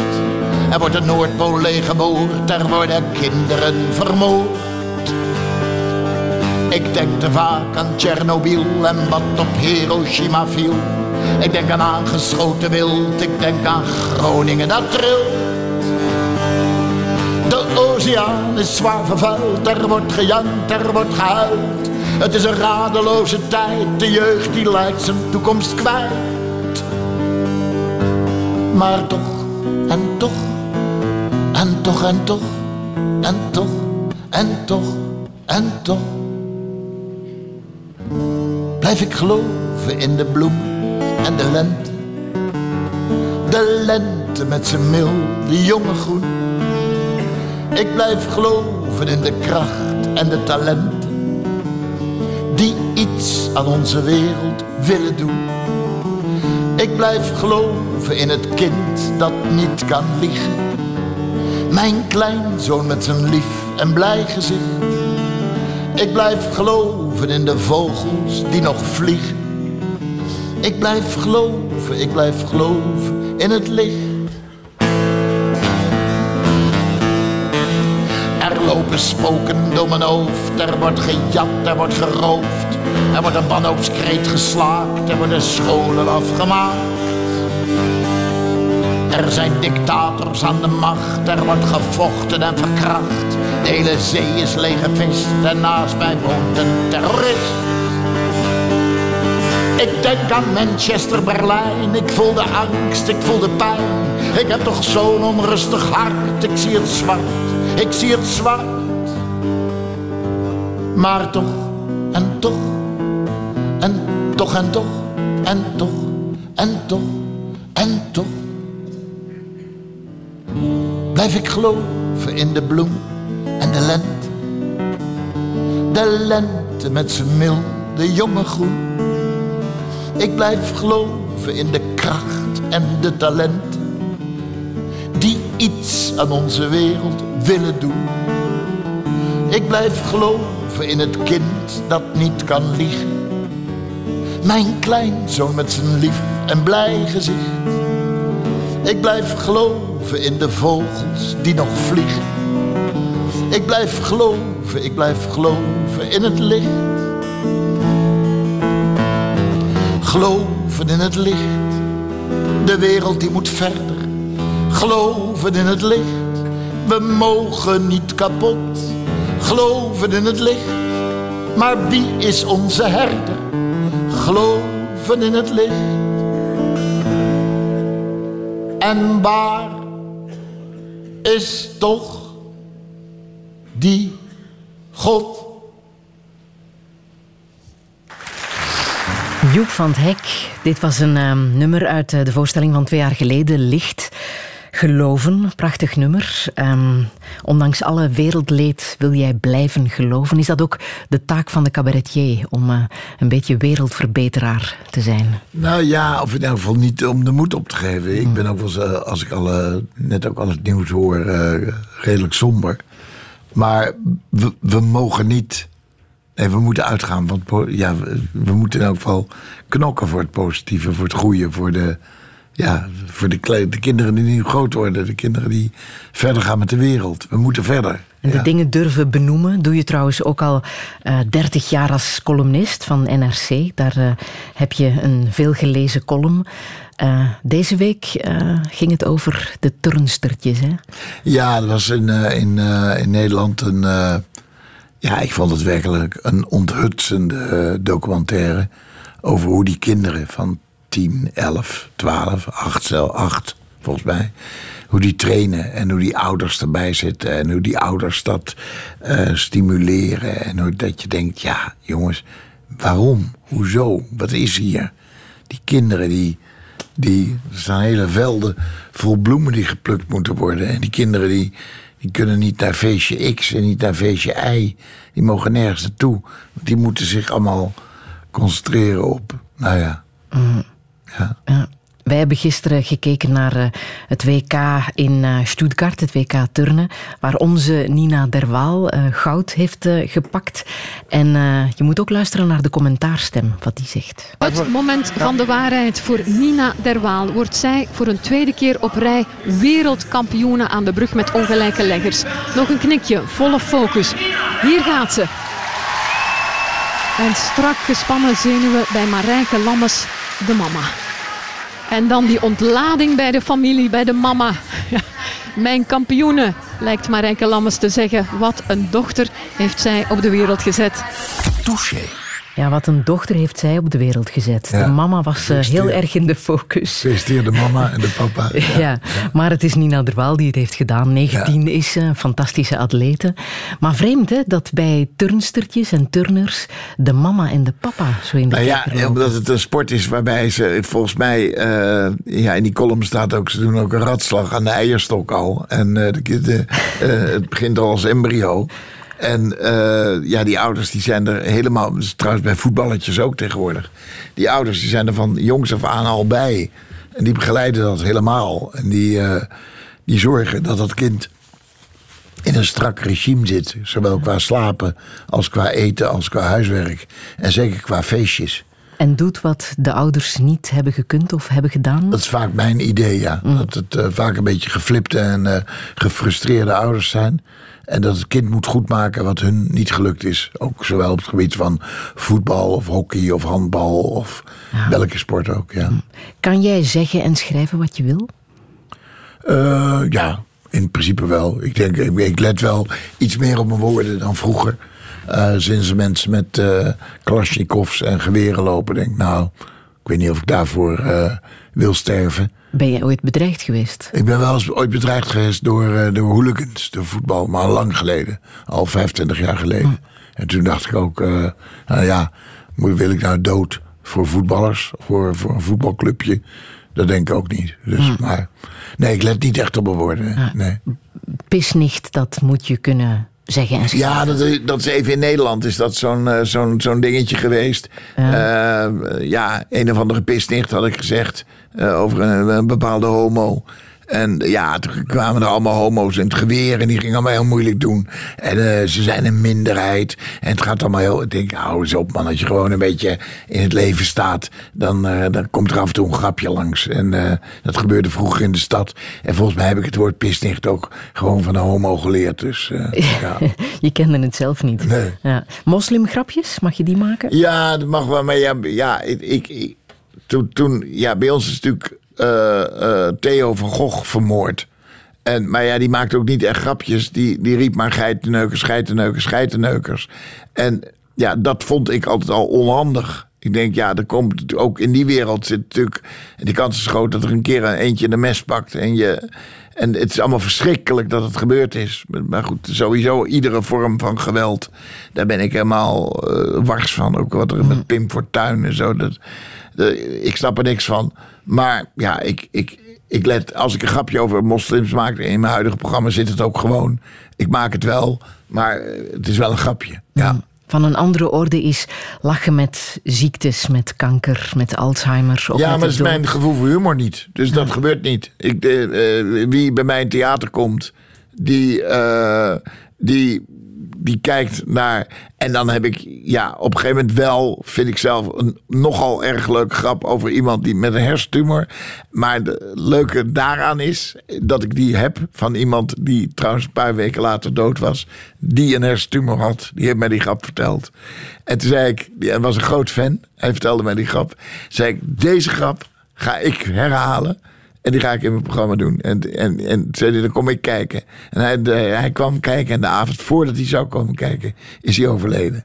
Dat is wel heel tragisch. Ja. Heel leuke man was dat. Maar Ja. kan je die, die grap hier vertellen? Nee. Nee, Nee, die is het. Ja, nee, maar die, moet ook, daar moet je voor die naar het valt ook in de bedding van het programma. Ja. Die valt ook in de bedding van wat er allemaal gebeurt. Gaat over een vriend. Maar zoals je vertelt, komen mensen achteraf zeggen... ja, dat ene grapje over Alzheimer of, of over die hersentumor. Nee, wel eens af en toe zeggen mensen... ja, je weet niet wat het is. Ik weet heel goed wat het is. Mijn eigen moeder, die had Alzheimer. Er zijn nu een paar mensen in mijn omgeving die het ook hebben. En eh, eh, nee, tuurlijk, maar daar kan je allemaal maar grapjes over. Je kan over alle dingen kan je grapjes maken... als het maar wel leuke grapjes zijn. Ja, dat, dat het scheelt is net wel. ook heel helend natuurlijk. Ook. Ik hoor af en toe eh collega cabaretiers zeggen... ja, en die grap viel helemaal verkeerd. Ik denk, ja, het is ook geen leuke grap die hij vertelt. Want dan vertelt hij welke grap hij vertelde. Ik denk, ja, dat is ook helemaal geen leuke grap. Mm. Je moet een leuke grap... Als een grap leuk is... alle leuke grappen kunnen verteld. Wanneer is een, is een grap leuk? Wat, wat, Dat kan je niet helemaal aangeven. Dat, dat, dat, dat is een gevoel. Dat, dat, dat, daar moet ook de temperatuur goed zijn voor de zaal. Het licht moet goed zijn in de zaal. De artiest moet goed zijn. De deuren moeten dicht zijn. Het decor moet goed zijn. De avond moet er zijn. Je komt oplopen. En je moet ook het publiek hebben dat daar, dat, dat wil. En eh, het is een, dat zei Wim Kan al vroeger. eh, het is gewoon een, een, een complot wat je met, met elkaar hebt. Je gaat een avondje naar Joep van Dek toe als publiek. En je gaat zitten. En ik neem alles op de hak wat in mijn wereld voorkomt. En dat gaat van mensen die raar wijn proeven... tot mensen die, die, die er, ernstige ziekte hebben... of die eh, alles kan langskomen. Alleen de bedding waarin het gebeurt... De, de, de, de, de toon waarop het gebeurt... dat maakt de avond. En als een grap niet leuk is... Ik maak wel eens een grap die niet leuk is... maar die gaat er heel snel uit. Ja.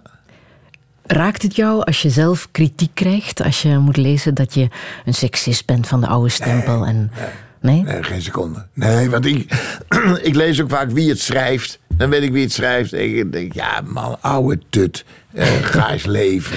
Word eens wakker. Ga eens uit je eigen wereldje. Kom eens uit je vissenkom. Dat ben ik serieus. Er zijn zo vaak van die, van, die, van die mensen die schrijven dat ik... Ja, je zit zelf helemaal plat in je wereldje en in je bange wereldje. En eh, doe nou, gooi je ramen eens open, man. Doe, doe eens een beetje lucht in je kamer. Ja.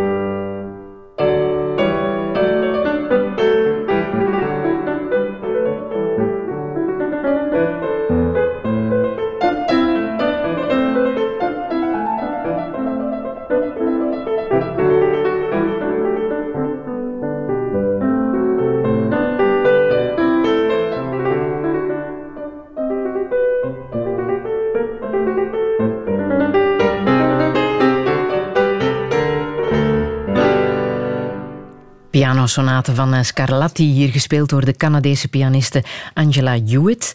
Joep van het Hek, Scarlatti, dat is jouw favoriete componist, hè?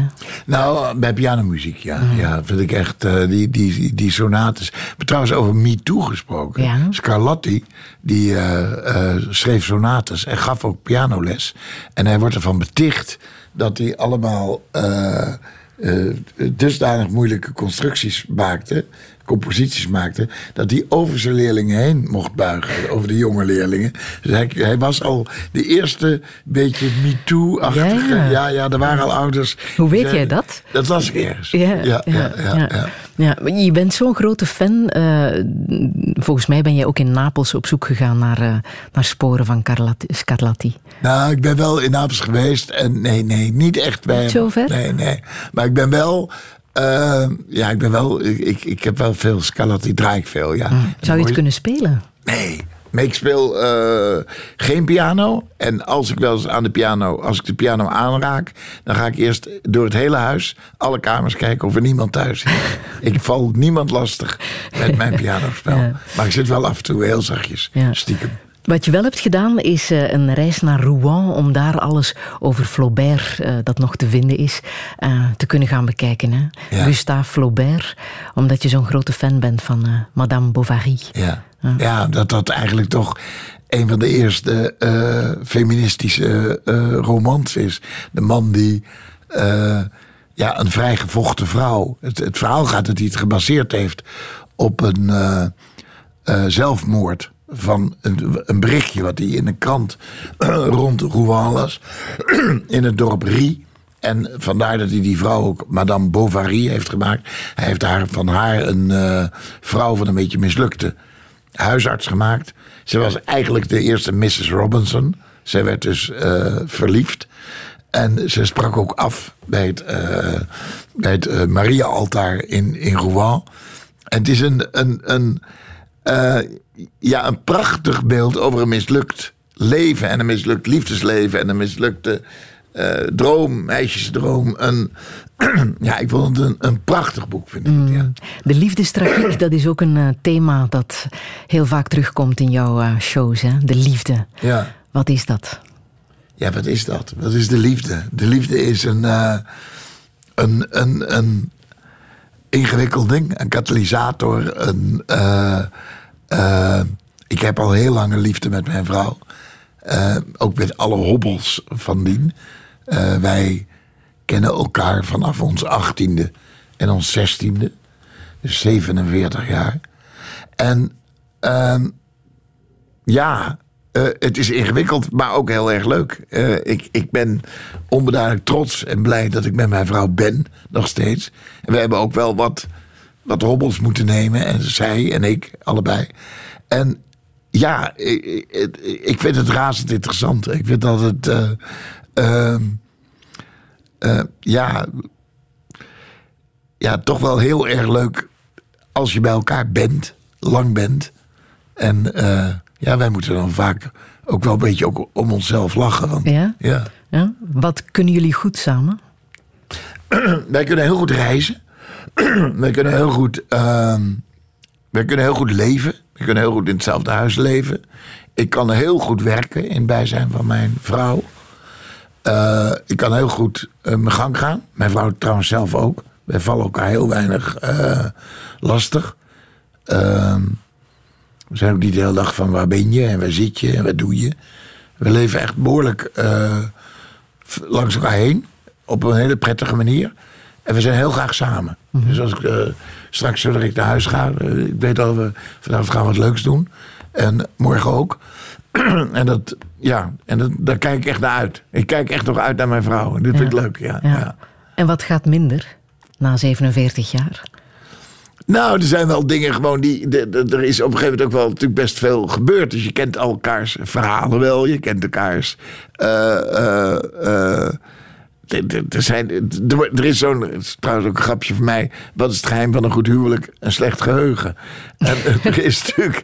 Een en ander gebeurt er in huwelijken. En, en, en ja, je moet ook over. eh, over, over bepaalde dingen heen kunnen stappen of zo. En als je dat niet doet, ja, dan, dan heb je een zagrijnig huwelijk voor de rest van je leven. En, en, en of je moet er niet overheen stappen, dan moet je uit elkaar gaan. Dat kan ook. Of je stapt er overheen en dan ga je verder. Dat, zoiets is het. Ja. Heb jij voor die keuze gestaan? Van wat moet ik nu een doen? paar keer, wij wel een paar keer wij goed moeten nadenken met z'n tweeën. Ja, ja, ja, ja. En, Dat eh, hoort er ook bij. Bij ik denk dat dat erbij hoort. En, en, en bij ons kwam het zelfs ook nog even in het nieuws, omdat ik een bekende Nederlander ben. Maar eh, ehm, ik denk dat in, als ik al mijn vrienden spreek, en ik spreek ze vaak. En ik heb zo'n clubje met vrienden met wie ik vaak nog even eh, wel eens uit eten ga. En echt jongens onder elkaar. En ook trouwens vrienden. Ik heb ook een aantal eh, vrienden die vrouwen zijn. Over die vrouwen die mij vertellen. In alle huwelijken komen eigenlijk dezelfde ellende komt ervoor. Eh, eh, iemand is even een tijdje afgeleid door iemand anders. Of er is even wat gebeurd. Of, er is, of het gaat, weet ik veel, organisatorisch. Of er is gewoon ontzettend gejokt. Niet eens op het gebied van iemand anders. Maar op het gebied van zakelijk. Of nee, het gaat heel goed. En wat allemaal niet waar blijkt te zijn. Er gebeurt in een huwelijk, als je een leven lang samen bent. Gebeuren er dingen. En ik ken een aantal mensen... Ik denk dat er in het huwelijk van mijn ouders, ik weet daar vrij weinig van. Daar zijn natuurlijk ook dingen gebeurd. Alleen, bij hun weet ik het niet. Maar ik weet zeker dat er, dat er dingen gespeeld hebben. En, en, en bij alle mensen. En die alle mensen die nu luisteren, die zullen dat heel zachtjes in zichzelf, al rijdend in de auto, denken: ja, daar heeft die kleine wel gelijk in. En, ja, en sommige huwelijken stranden. en sommige huwelijken niet. En eh, ik ben er heel trots op en heel blij omdat ons huwelijk dat niet, tot nu toe niet gebeurd is. En ik ga ervan uit dat het, ja, zoals ik nu kijk, blijven wij, eh, wij hebben het wel leuk. In de laatste show geef je ook goede raad op dat vlak. Hè? Neem geen jongere vrouw, maar neem ook geen tweede vrouw. Want die is nooit zo leuk als de eerste. Nou ja, dat is eigenlijk een beetje, een beetje eh, wat nooit hardop wordt uitgesproken. Maar heel vaak eh, hebben mannen een tweede vrouw. En dan is die, eh, die, die, die, ja, eigenlijk is die eerste was. Ze gaan er niet altijd op vooruit, laat ik het zo zeggen. Ja, ja, ja. Neem even een slokje. Ja, Hoe gaat het nu met Debbie? ja, goed. Gaat heel goed. Ze is, eh, een beetje pech met de gezondheid gehad, maar gaat heel goed. Ja. Ja. Ook dat gebeurt hè, in een mensenleven. ja, ja. Ben jij een zorgende man? Ja, nou ja, wij zijn, wij zijn samen, dus we, eh, we zijn met elkaar. Dus eh, als, als de ene een beetje. Ik, ik heb zelf vier jaar geleden eh, was ik aan de beurt met een hartoperatie. En toen is mijn vrouw echt vierkant naast me gestaan en achter me en voor me. En toen Debbie pech kreeg met de gezondheid, toen, ja, toen was ik er. Ja, dat is part of the deal. Eh, Ik zou ook niet anders kunnen. Ik zou ook niet ergens stoer eh, zeggen... ik ben even een, een tijdje de Bangkok of zo. Leer je elkaar ook dan op een andere manier en opnieuw kennen?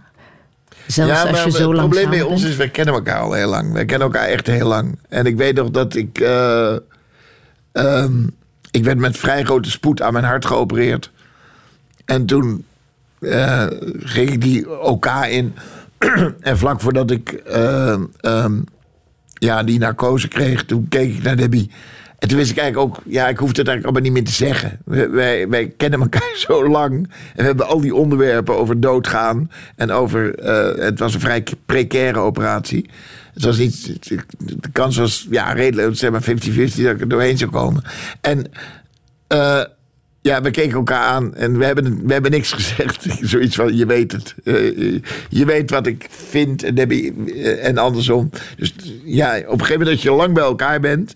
en wij zijn geen zwijgers thuis. We hebben het gewoon over dingen als Debbie en ik ergens gaan zitten eten... dan gaat het ook over de essence, essentiële dingen. En dat hoor je ook vaak bij mensen die uit elkaar gaan... En die zeggen, ja, we hadden het eigenlijk nooit meer ergens over. En dat is het rare bij ons thuis.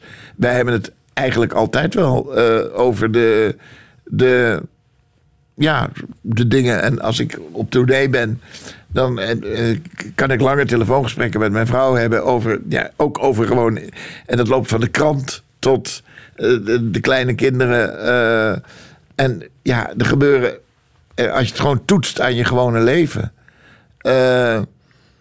Ja, dan, dan zijn er altijd dingen die besproken worden. En dat loopt van een begrafenis tot een huwelijk, tot een mislukt huwelijk, tot een geweldig feest, tot ja, alles.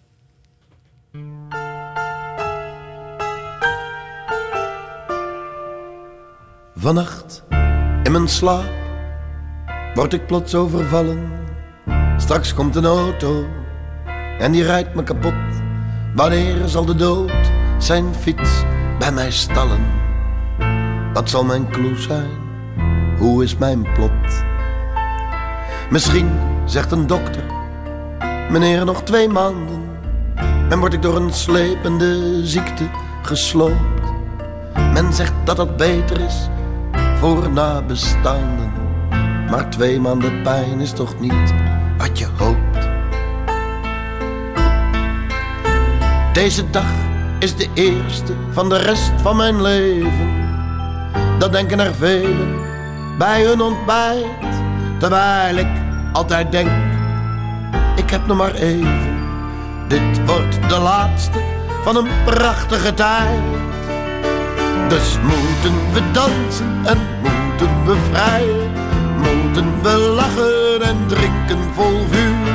Lief, hou me vast, want nu ben ik nog bij je. Tijd is toch geld, dus het leven is duur. En ik merk elke dag dat ik me vergis. En dat er dan nog een dag over is.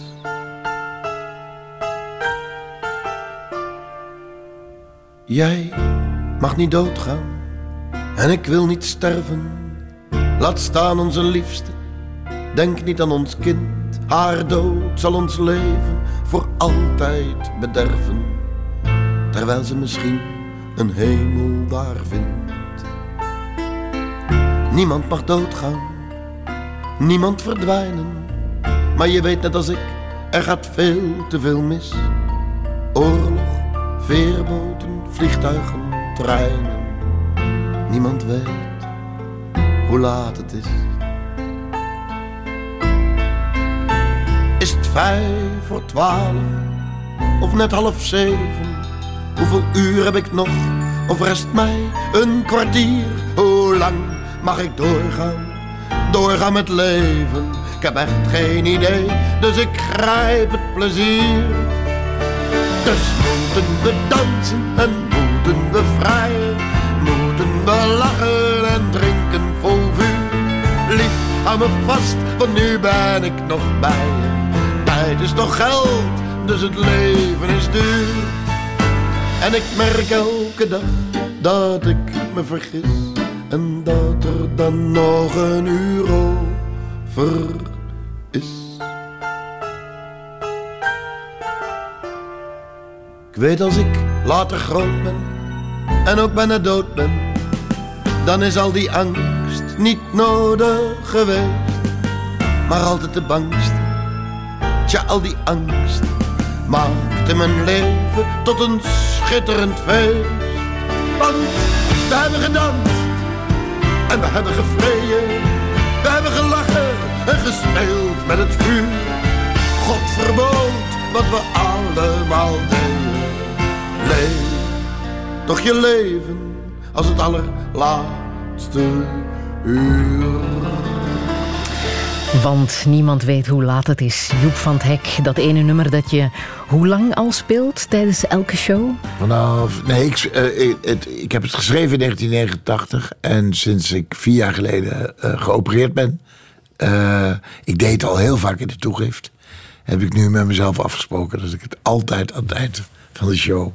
En ik merk dat heel veel mensen dat echt ook. Het is mijn lied. Ja. Het is mijn, mijn visie, Carpe Diem. Het is mijn. eh, ja, en ik merk dat heel veel mensen me nog nooit live hebben zien zingen. Ja. En het gebeurde hè, vier jaar geleden. De dag voor kerst lag je ineens op die operatietafel. eh, je hart Ja. sputterde. Ehm, en daar is ook heel veel ellende aan vooraf gegaan. Hè? Je, Ja, een soort, soort eh, lange periode van moe en vermoeid en het niet uitkomen en je je beroerd voelen, het niet helemaal snappen, oh, dat, dat gevoel. En, eh, en niet ja, vinden wat het was. Nee. nee, omdat ik niet de, de, de verschijnselen had die bij eh, hart. Dus eh, mensen krijgen dan pijn in hun borst of pijn in hun arm of in hun kaak. En dat had ik allemaal niet. En eh, ja, ik ben twee keer het podium afgestapt dat ik helemaal draaierig en raar werd. En één keer eh, ben ik op het podium eigenlijk bijna heb ik gewoon doorgespeeld. Dwars er alles heen. En toen, na de, de- ja, de, de tweede keer ben ik echt gestopt. En eh, toen zijn ze gaan zoeken. En toen is er één arts, die heeft het echt, zeg maar, eigenlijk gevonden. En toen was ik, moest ik naar het ziekenhuis. En toen lag ik binnen een aantal uren lag ik op tafel. En, Zo ernstig was het. ja, de, de, de arts zei later tegen mijn vrouw, toen was ik nog in coma. Het was geen vijf voor twaalf. Het was misschien wel drie minuten later. Ja, ja. En toen is er een eh, operatie van zeven uur gevolgd. Zoiets, ja. Ja. ja. zeven, acht uur. En, Voor eh, zes bypass. zes bypasses. Hoe En- voelt dat? Ja, dat voelt niet, dat voelt goed. Ja. Ja, ik ben gewoon daarna hersteld. En eh, je wordt, moet vooral bijkomen van die rare wond. Ze hebben Mhm. je, je borstkas in tweeën gezaagd. Mhm. Daar moet je van bijkomen. En dat heb ik ja, heel, heel, heel erg rustig gedaan. Ja. En hoe was het voor jou om te horen dat je er eh, zo erg aan toe was? Dat ze jou... Ja, het maakte mij niet meer uit. Ik was ziek. Ik was gewoon op. Ik was moe. Ik, ik, ik viel steeds bijna in slaap. Dus toen ze zeiden we gaan opereren, dat ik, oh ja, want zo kon het ook niet verder. Ik hoefde ook niet, ik had er ook geen zin meer in als het nog, als ik dan nog, nog langer zo, zo'n blub gevoel. En eh, dus ik was alleen al blij dat ze wat gingen doen. En eh, ja, en toen op een gegeven moment doe je je ogen open en toen stond mijn, zat mijn vrouw en stond mijn zoon aan het bed. En eh, ja, het ging weer door. Ja. Op welke manier heeft die operatie jou veranderd? Nou, het heeft me wel. Ehm, ik ben altijd wel heel erg bewust met leven en dood bezig geweest. Dus dat is niet. Maar ik ben wel nu wat slimmer in. Vroeger deed ik eh, na de voorstelling, zeg maar, in elke stad. deed ik het licht uit. En eh, in de cafés. En A, zitten nu ook de cafés niet meer zo op een man van eh, 65 te wachten. Waar de, de cafés waar de studenten staan, die denken ook, ach man, ga lekker slapen. Maar deze man denkt tegenwoordig ook vaker, weet je, ik heb een mooie avond. En eh, zoals laatst in Brugge, dan na afloop nog even met z'n allen eten, hartstikke leuk. en dan gaat mijn zoon, zie ik nog even richting de kroeg lopen. En ik- hij heeft helemaal gelijk, die, mijn zoon was erbij. Hij heeft helemaal gelijk en hij moet het ook zeker doen. En ik ga linksaf het, hotel in. Ik ga lekker tukken. Ja. Ah, ja. Wat is er van de kinderen geworden? Ja, die, zijn, die, die, die gaan goed. Mijn dochter, die, eh, de oudste dochter, die zit bij de rechtbank. En die, eh, die, die, leert op scholen wat de rechtbank is... door de rechtbank na te spelen. Dat, is een, dat, dat organiseren zij op middelbare scholen. Eh, dus als er iets op school gebeurd is... en iemand heeft iets gejat of er is gepest... wordt het in een rechtszaak zaak nagespeeld. Dus iemand is de officier van justitie... er is een advocaat, er is een rechter... Eh, en zo leren ze wat de rechtspraak is. Dat doet de oudste. De tweede dochter, die maakt eh, documentaires. En die heeft er nu net één gemaakt. En die wordt binnenkort uitgezonden. Over het eh, ja, beroemde Amsterdamse bordeel Japjum. Dat niet meer bestaat. Dat is, was een heel duur creditcardbordeel. Dat heeft zijn eh, dingen.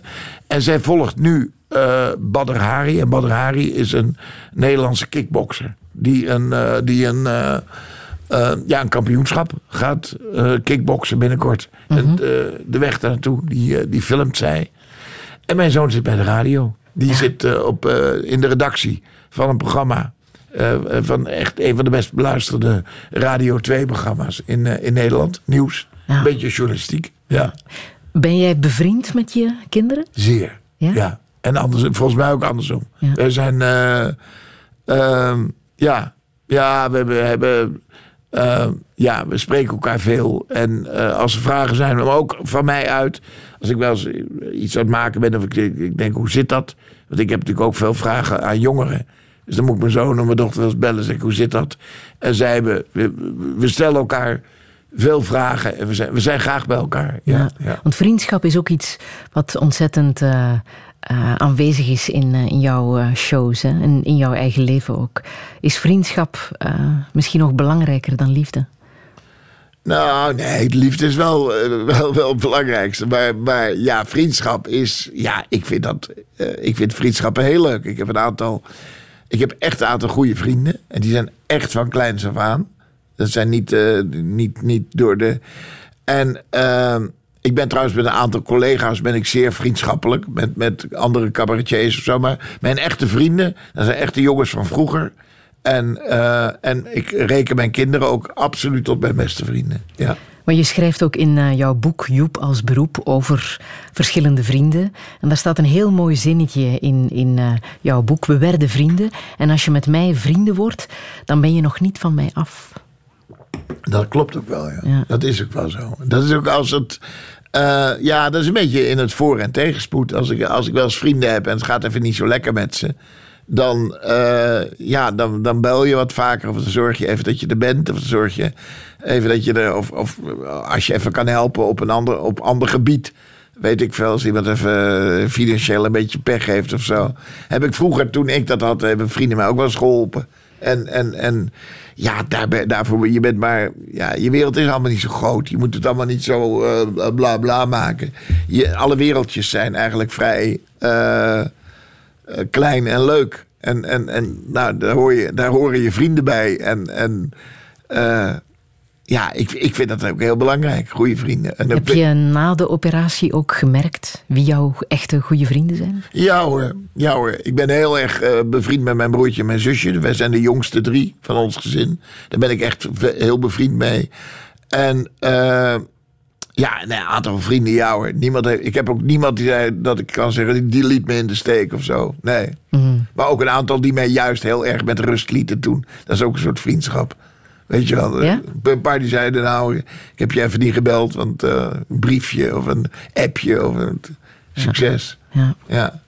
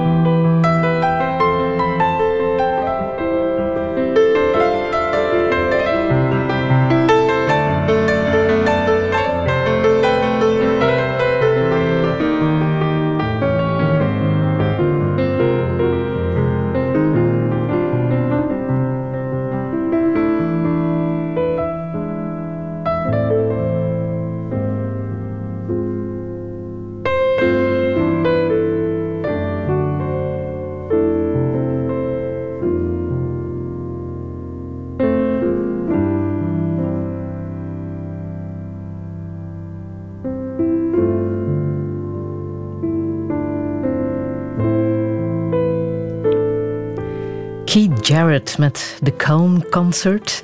Joep van het Hek, veel piano hè, in jouw muziekkeuze. Ja, heel veel. Maar dat, dat eh, een tijdje geleden, maar volgens mij al twintig jaar geleden, toen ging ik een keer verhuizen. En toen ging, of, eh, toen ging ik mijn, mijn, mijn, mijn- of, of ik ging mijn, mijn, mijn cd's opruimen. Of een keer ordenen opnieuw, weet je wel, wat iedereen wel eens doet. En toen dacht ik, wat, wat, heb, wat heb ik veel piano. En ik merk nog, ik heb heel veel piano. Ik, ik, ben, ik ben op de een of andere manier gek op, op, op eh, piano solo. En, eh, eh, Daar hoort Keith Jarrett bij zeker natuurlijk. bij, ja. hoort- en zeker de Köln-concert. En ik ben nog altijd boos dat op de LP staan alle toegiften. En op de CD hebben ze die eraf gelaten. En dan moet die platenmaatschappij zich altijd nog voor schamen. De laatste toegift staat daar niet op. Dat vind ik altijd heel erg. Is dat Je hebt, hem ook, je hebt hem ook live gezien. Ik heb, eh, ja, ik heb een, met een aantal vrienden. Ik was helemaal gek van de Köln-concert. Toen speelde hij in Amsterdam. En toen had ik een aantal vrienden. Had ik, ik had kaarten geregeld. Had ik al ruim van tevoren. eh, eh, het was hartstikke uitverkocht, maar ik had het goed kunnen regelen. En ik had een paar vrienden meegenomen. Ik zei: "Je- Die moet je zien. Eh, nou goed, dan ging je allemaal zitten. En eh, het viel een beetje tegen. Hij had zijn dag niet. En dat is natuurlijk bij zo'n improviserende. Eh, het was ook een hoop gedoe. Hij ging eerst eh, eh, een soort in, in trance voor die piano. Hij ging ook de piano aanbidden. En, en dat wij allemaal een beetje aankeken. Dat wist ik toen. Dat schijnt hij vaker te doen. Bijzonder figuur, hè? Ja. Ja, het is allemaal goed, maar wij zaten een beetje te kijken. En we kregen ook een beetje een slappe lach ervan. Dat is ook al, dus waren ook niet helemaal... En toen begon hij te spelen. En ja, het was niet... Het is ook later volgens mij nooit een plaat. De, de Amsterdam Concert is niet Die bestaan volgens mij niet, nee. Nee, het was Nee. niet... Het was, hij had niet zijn avond. Ja, dat kan. Gebeurt dat bij jou ook wel eens? Nou, er zijn wel avonden die echt... Dat ik zelf ook het podium afstap. Dat ik denk, wauw, wat ging dat lekker. En er zijn ook wel eens avonden dat het... Ja, dat het gewoon... Ja, dat, ja dan is wel goed genoeg. Maar niet... eh, niet dan ben ik zelf. En, dan, dat, en ik neem het altijd mezelf kwalijk. Nooit het publiek. Ik zeg nooit van het lag aan de mensen of zo. In al die jaren denk ik altijd, nou moet ik opletten. Of ik, ik versprak me twee keer. Of eh, hoe kan het nou? nou je moet... Het is ook heel goed om, om in wat ik doe, als je zo veel een voorstelling speelt. dat heb ik van Joop Koopman geleerd. en die zei op een gegeven moment tegen mij: Je moet af en toe moet je gewoon een voorstelling eigenlijk helemaal opnieuw spelen. Je moet in je kleedkamer. En je moet bijna het- de, de- alle woorden nog eens een keer via je hart, zoals je ze ooit geschreven hebt. Je moet even. eh, en dat kan vaak al doordat je met een ander toontje begint. Al begin je maar met. ehm, eh, en dan begin je te praten. Dat je alsof je het even helemaal. Alsof je eigenlijk niet helemaal weet wat je gaat zeggen. Terwijl je precies weet wat je gaat zeggen. Maar je ge- even. eh, pak, herpak je even. Eh, eh, eh, doe het. En dat, dat. Want het is wel eens gevaarlijk in die lange series die wij spelen. Niet alleen ik, maar veel meer artiesten. Dat je ontzettend je op een gegeven moment een beetje kan struikelen over de routine. En dat mag niet, want dat heeft het publiek niet verdiend. Ja. Begin dit jaar is het gebeurd, hè? Toen ben je 65 geworden op 28 februari. Ja. Echt op 28? Of Ja, op mijn was er ook een verjaardag. Nee, nee, ik 29 ben, eh, februari? ik- 29 viel ook niet in mijn jaar, want ik ben Ah, ja. geen schrikkelkind. Ja, we hadden kunnen uitrekenen. ja. Hoe heb je dat gevierd? Dat heb ik heel leuk gevierd. Dat heb ik eh, gevierd met mijn harde kern. En mijn harde kern, dat zijn mijn kinderen en mijn vrouw. En eh, daarbij mijn broertje en mijn zusje, de jongste twee. En Debbie's broertje. En haar 90 jaar, bijna 90-jarige moeder erbij. We hebben een klein restaurantje in Amsterdam op de verjaardag zelf.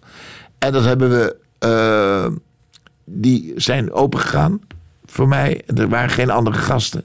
Dat was heel prettig. En daar hebben we gegeten. En daar hebben mijn kinderen en mijn vrouw één voor één gespeecht. En dat was zo ontzettend. Dat ga ik ook allemaal niet herhalen op de radio. Maar dat was zo onbeduidelijk leuk. En dat was zo eh, geestig gedaan. Ze hadden zo'n alle, alle, allemaal hun eigen verhaal. En dat was zo ontzettend grappig. En, en, en ja, er is nogal gelachen die avond. Ja. Ook om mij en ook om mijn, eh, mijn eh, onvolkomenheden, zeggen. En mijn rare dingen. Ja. Ja, het was een hele bijzondere avond. En toen heb ik daarna heb ik het nog één avond gevierd eh, met alle mensen met wie ik werk. En dat is dan eh, van de uitgeverij die de boeken doen, eh, het kantoor wat mijn hele tour organiseert, de mensen van de televisie, de radio. De, gewoon, en dan zitten we toch gauw met, zaten met 56 mensen aan tafel. En niemand mocht een cadeau meenemen. En daar mocht niemand speechen. en dat was heel leuk. Waardoor iedereen gewoon ontzettend lekker heeft zitten lullen die avond. En lekker over allerlei leuke dingen. En dat liep... en- en iedereen, ook van vroeger had ik erbij gevraagd. Ja, was een man of 60. En er is ontzettend leuk gegeten en, en gedronken. En geen enkel, ik hoefde geen veren in me, niks. Niemand mocht wat zeggen. en dat heeft iedereen ook zo opgelucht. Iedereen vond het ook zo heerlijk. Maar je hebt nu de pensioengerechtigde leeftijd. Zo heet dat, ja. Joep, wat Ja. ga je daarmee doen? Nou, ik ga ermee doen dat ik eh, eh, hierna nog eh, een oudejaarsconferentie ga maken. En daarna ga ik een, eh, nog, sowieso nog een programma maken. Dat is allemaal werk, hè, Joep? Ja, dat is allemaal weer. Nee, maar dat is geen werk. Dat is geen werk. Dat is, eh, dat is mijn leven. Dat is een groot onderdeel van mijn leven. En daarna... Zou je zonder kunnen? Zou je zonder dat podium Nou, nog niet. Dus daarom ga ik dat ook nog niet doen. Dus ik ga nog. Een, en, en de jongens met wie ik speel. Als wij zo onderweg zijn. Het is ook een deel, hè? Het is een deel spelen, eh, optreden. zoals gisteravond in Brugge. Hartstikke leuk.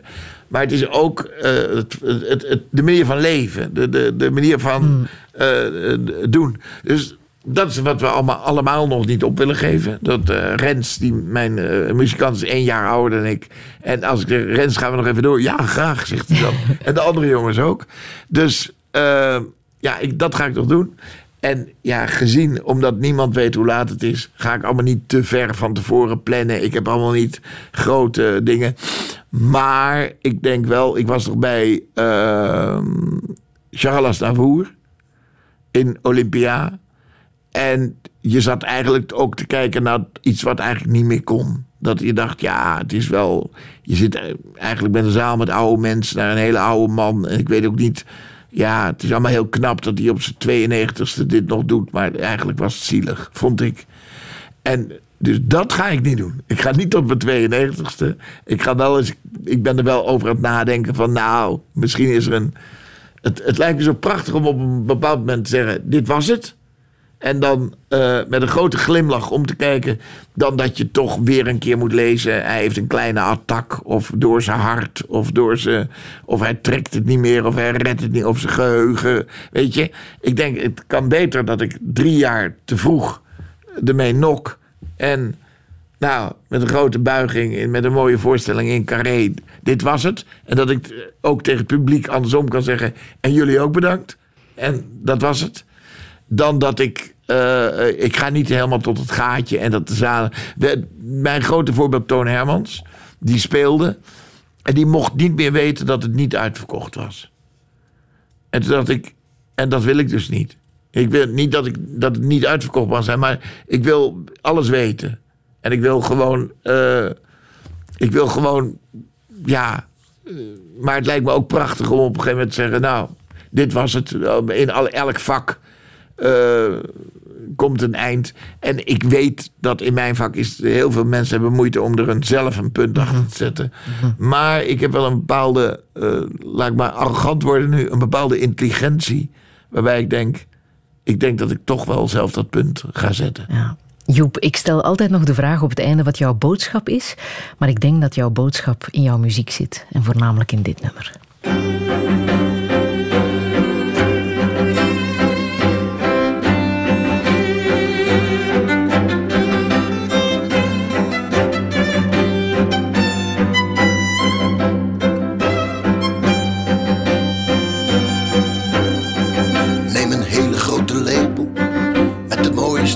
Kaviaar Of een goede fles bourgogne Eentje van een prachtig jaar.